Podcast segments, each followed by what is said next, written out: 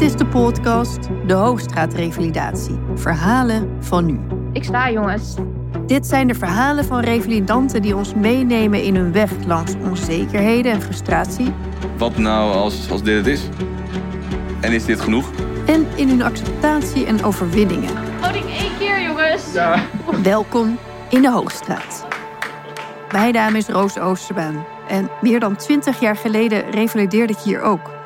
Nu kijk ik mee met Floris, Zoe, Kees en Roos. Wat doe je? Ik eh, zet mijn eh, elektrische rolstoel op uh, standje 5 en we gaan. Hoop dat ik je bijhoud. Ik ontmoet Floris, van 26. Beneden waar vroeger, in mijn tijd zeg maar, de voordeur was. Bij de gele ramen. Standje 5. Ik heb zo'n handfunctiegroep. Het is nu de tweede keer dat ik dat heb. Ja, helemaal thanks. Ja. Vijf weken geleden viel Floris van een muurtje af. Niet eens zo'n hoog muurtje. En brak zijn nek. De arts in het ziekenhuis zei nog dat als eh, 200 man op dezelfde manier achterover vallen... dat 190 te chagrijnig weer naar boven lopen. Misschien sommigen wat hebben gebroken, maar niemand eh, nou ja, een dwarsleesje eraan overhoudt zoals ik dat heb gedaan. En wat vind je daarvan? Van die woorden? Dat besef? Ja, ehm, het gewoon pech. Het, ja, het is gewoon een hele, hele, hele grote hoop met pech. Ja, pech. Dat zeg ik. Als een brood op is in de supermarkt of zo. Pech bij Floris is in dit geval een gedeeltelijke dwarslesie. Een beschadiging van het ruggenmerg, waardoor hij vanaf zijn nek delen van zijn lichaam niet of nauwelijks kan bewegen en voelen. Zijn elektrische rolstoel bestuurt hij met een hendel die hij vanaf zijn arm en pols aanstuurt. Zijn handen kan hij niet gebruiken. We zijn op weg naar de handfunctiegroep van de ergotherapie. Klinkt een beetje suf. Het is ook een beetje suf. Maar het betekent dat je door eh, spelletjes of door dingen te verplaatsen... bekijkt wat je nog wel of niet met je handen kan. Het is een soort van eh breigroepje voor mensen met een dwarslesie. Je staat al te popelen. Ik eh, heb een koffie net op, dus ik kan het aan. Oh ja. Floris vindt het wat suf. En het is ook een groot contrast met het leven voor zijn ongeluk. Nog maar een paar weken geleden dus. Toen was hij zijn studierechten aan het afronden, was hij barman, gaf hij les aan asielzoekers en statushouders.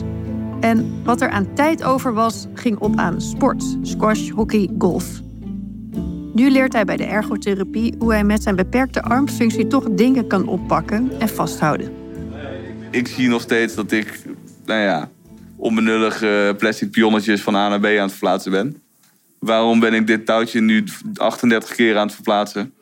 Je snapt de gedachte erachter, maar je vindt het nog steeds wel een beetje een lullige, idiote bedoeling.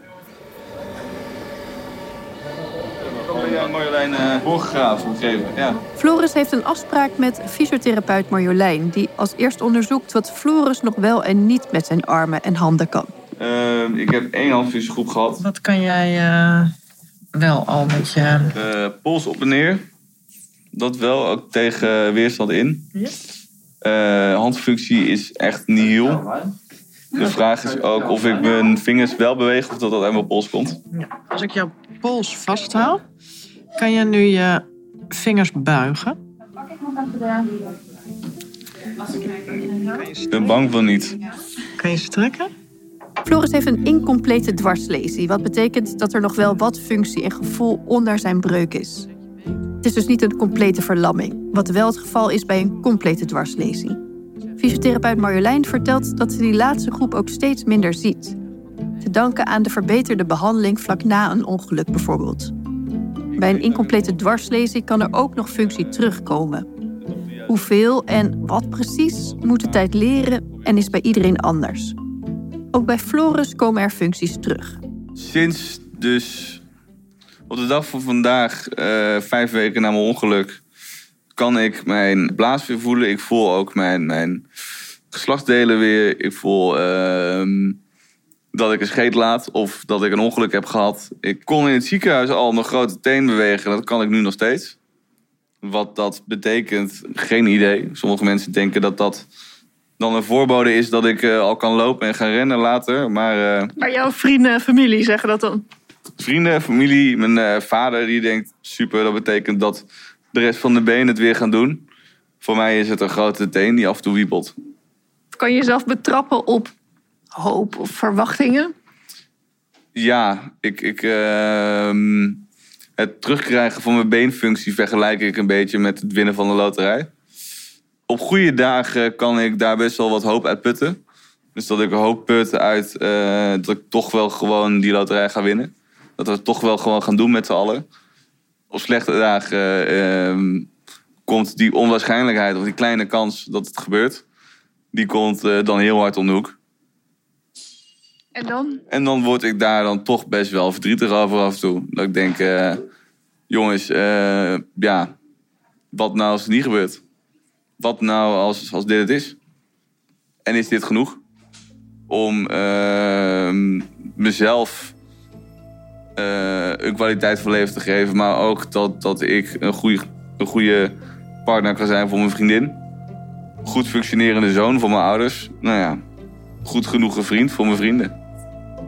En zoals het nu is, is dat genoeg? Eh, als je het menu op de mannen afvraagt, dan is dit niet genoeg. Nee. Ik herken wel dingen in wat Floris hier zegt. Natuurlijk verschillen onze handicaps wel. Mijn dwarslezen is bijvoorbeeld lager, halverwege mijn rug. En ik weet dus niet hoe het is om mijn armen niet goed te kunnen gebruiken. Maar ik herinner me wel hoe het voelde toen ik ineens mijn linkervoet heen en weer kon bewegen. Een heel klein beetje. Intense hoop, waarvan ik ook wist dat hij onbetrouwbaar kon zijn. Vertel Floris maar niet dat het bij mij dat laatste was. We gaan terug naar de handfunctiegroep met fysiotherapeut Marjolein. Hetzelfde spel, nieuwe vorm.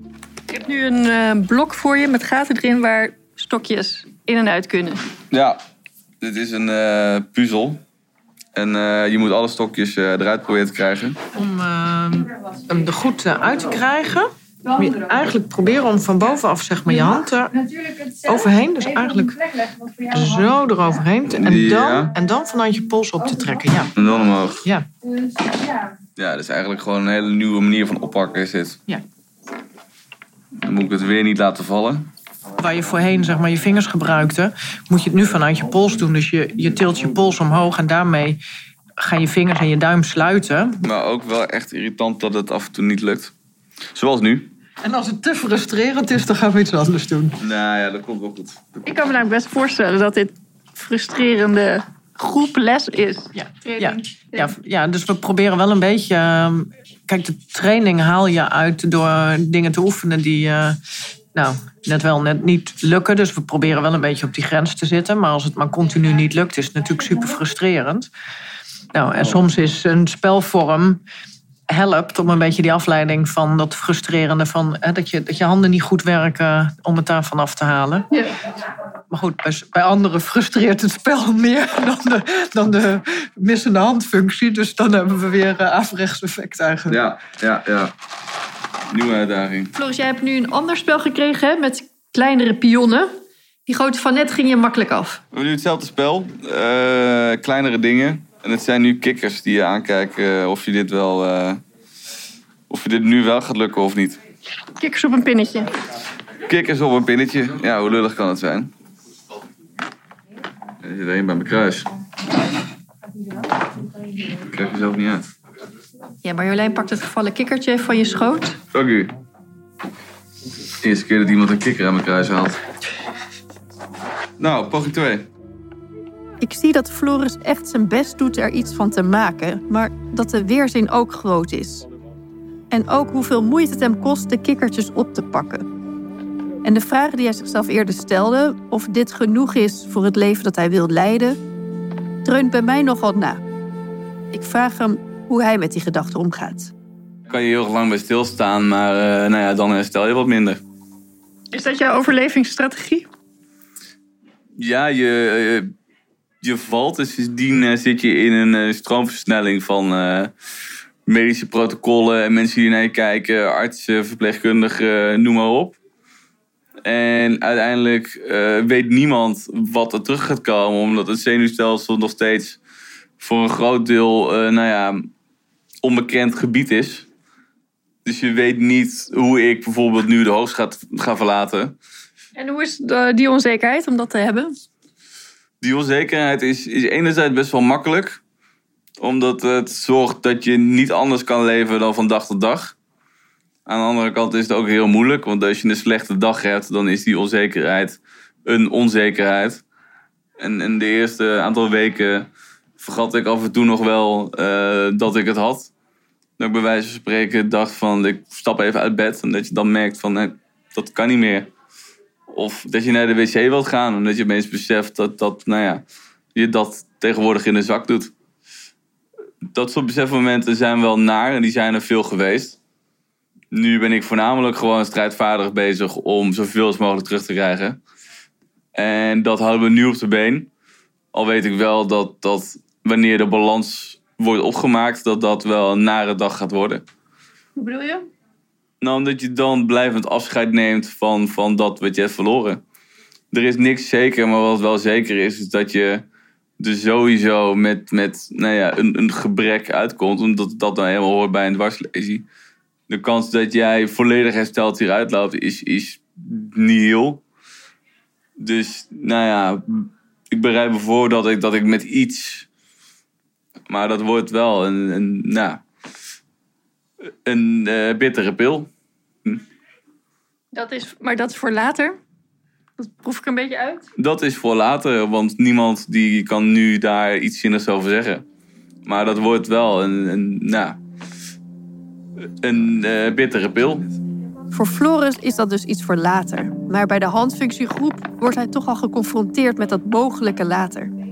Als hij in gesprek is met Sebastiaan bijvoorbeeld, die net als Floris een hoge dwarslesie heeft en hier al wat meer maanden revalidatie erop heeft zitten. Floris vertelt hem dat hij moeite heeft met het advies dat hij krijgt om zijn hand op een bepaalde manier te fixeren. Daardoor ontstaat een wat onnatuurlijke stand van de hand, die wel erg functioneel is als je iets wil oppakken wanneer je je hand niet kunt bewegen. Dan ga je het hebben over, over dat je dan, dan je hand op een bepaalde manier moet fixeren, waardoor je dus dingen kan oppakken.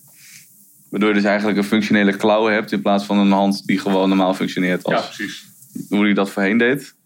Dat vond ik wel een lastig gesprek. Ja, ik had er ook wel weerstand van. Het was een, een reageert aan de andere kant van de tafel. korte weerstand. Het was meer gewoon van ja, dit is nu helemaal de situatie. En als ik dan daardoor wel weer iets kan oppakken, nou ja, dan brengt het me wat.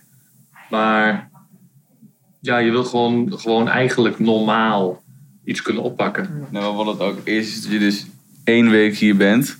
Dat nog niet zeker zijn van wat je in de toekomst wel en niet hebt. Dat daardoor dus nog niet geaccepteerd hebt wat je dus wel of niet verliest.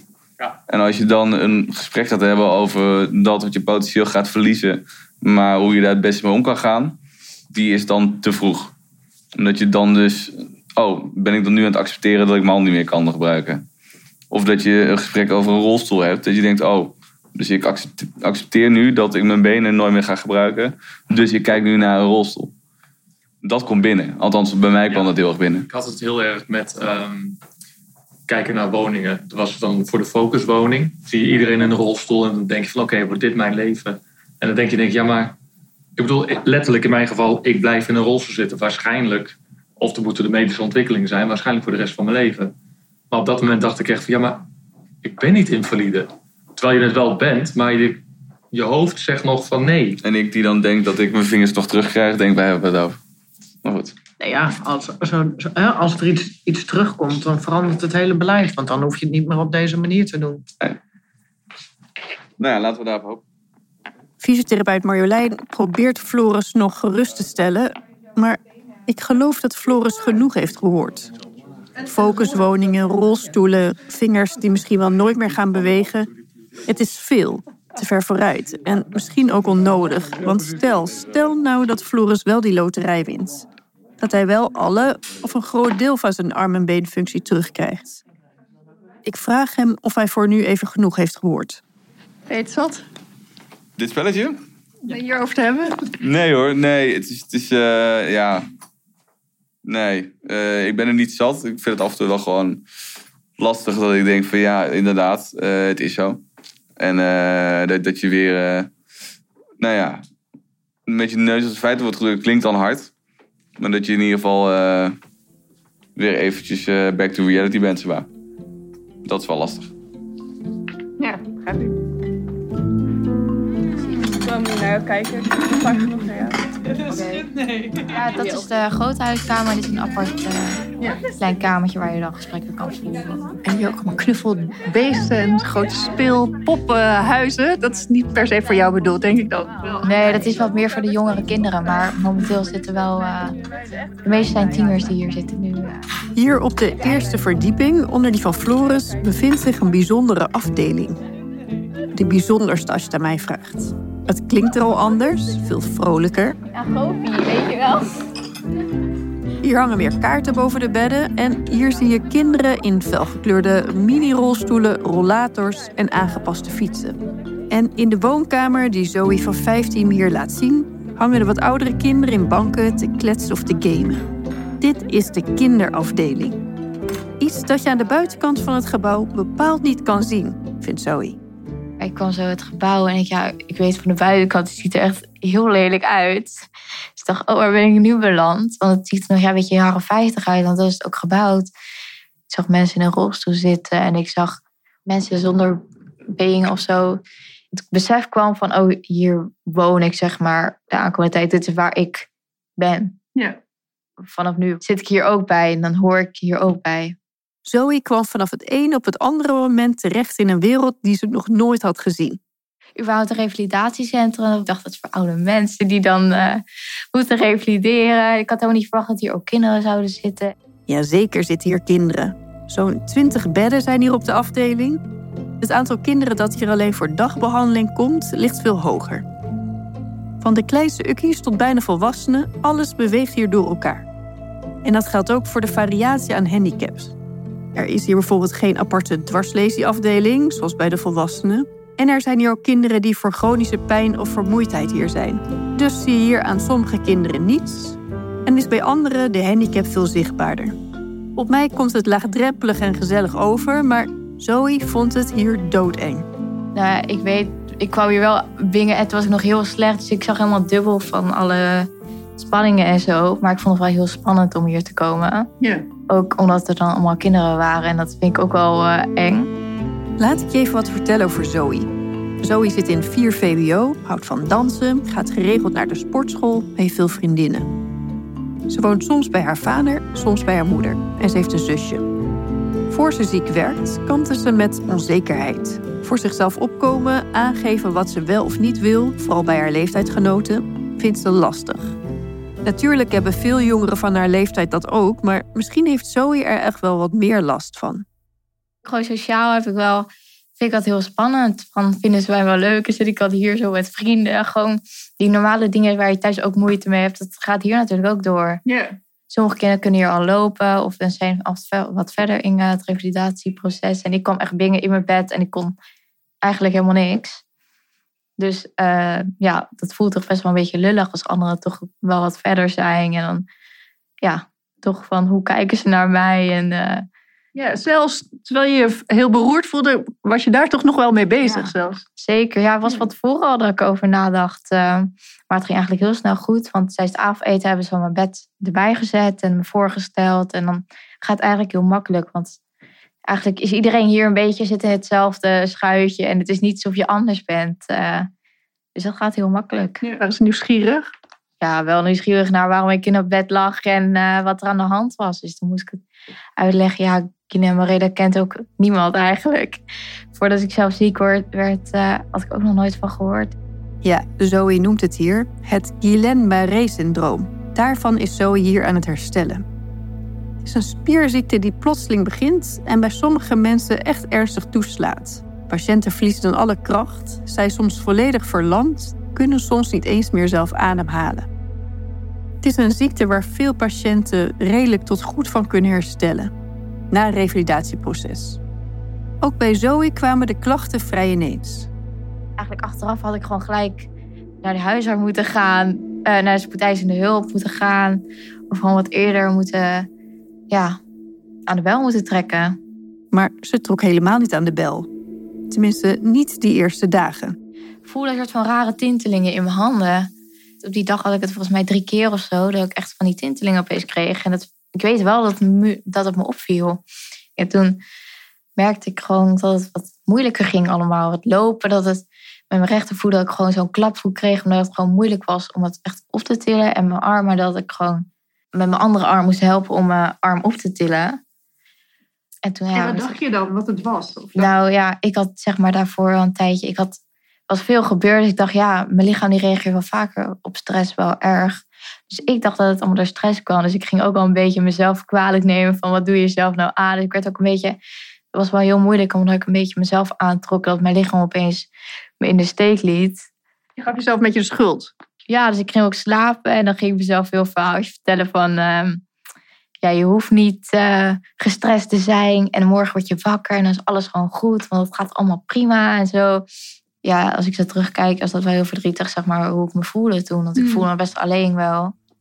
En dat ik niet gelijk naar de spoedeisende hulp was gegaan, weet je. Als ik nu achteraf kijk, dan denk ik, ja, waarom heb je dat niet gewoon gedaan? Maar op dat moment was ik gewoon van overtuigd dat het iets anders was. Ik dacht, ja, ik kan niet. Ze zit het hele weekend uit met steeds zwakker wordende armen en benen. En gaat pas maandag naar de huisarts. Toen ben ik ook in die wachtkamer heb ik helemaal lopen overgeven en zo. Dus het was wel echt wel mis. En toen vertelde ik eerst over, het ging wat testjes doen. En zij deed die reflexding met een hamertje. En er gebeurde helemaal niks. Er gebeurt helemaal niets. Geen reflex, niks. En Zoe wordt onmiddellijk naar de spoedeisende hulp gestuurd. En krijgt binnen een dag de diagnose.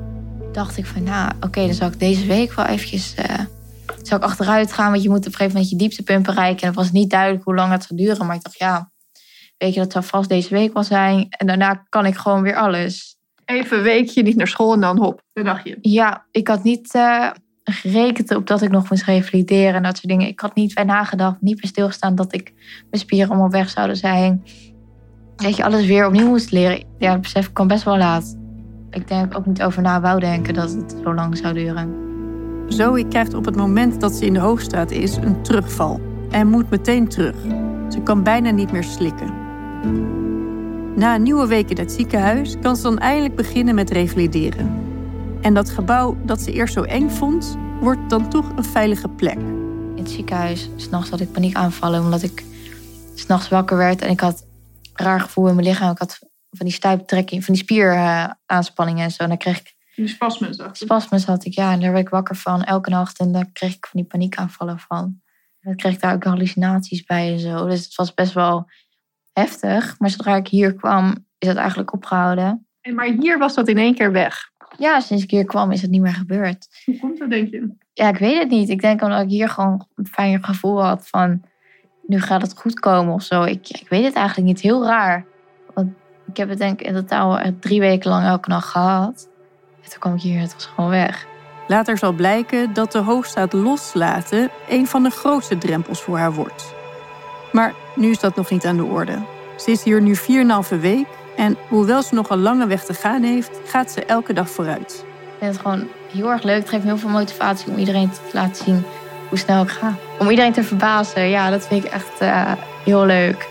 Ze kan weer makkelijker slikken en in een elektrische rolstoel legt ze nog wat langere afstanden af, maar binnen de hoogstraat beweegt ze zich al voort in een handbewogen rolstoel. ik ben blij van waar ik gekomen ben dat het nu al zo gaat. En dat ik, eh, maar ja, als je kijkt naar, eh, dat je eigenlijk gewoon een gezonde 15-jarige was. En dan nu in één keer binnen twee maanden zo erbij zit in een revalidatiecentrum. Dat zou je echt niet verwachten. En dat is eigenlijk ook wel heel erg eh confronterend. Ja, want hoe is dat? Dat is bijna niet te bevatten. Of hoe... Nee, het is gewoon heel erg snel gegaan. En dan, en dat was het wel heel erg. En dan nu is het moment dat je echt een beetje gaat nadenken erover wat er allemaal gebeurt.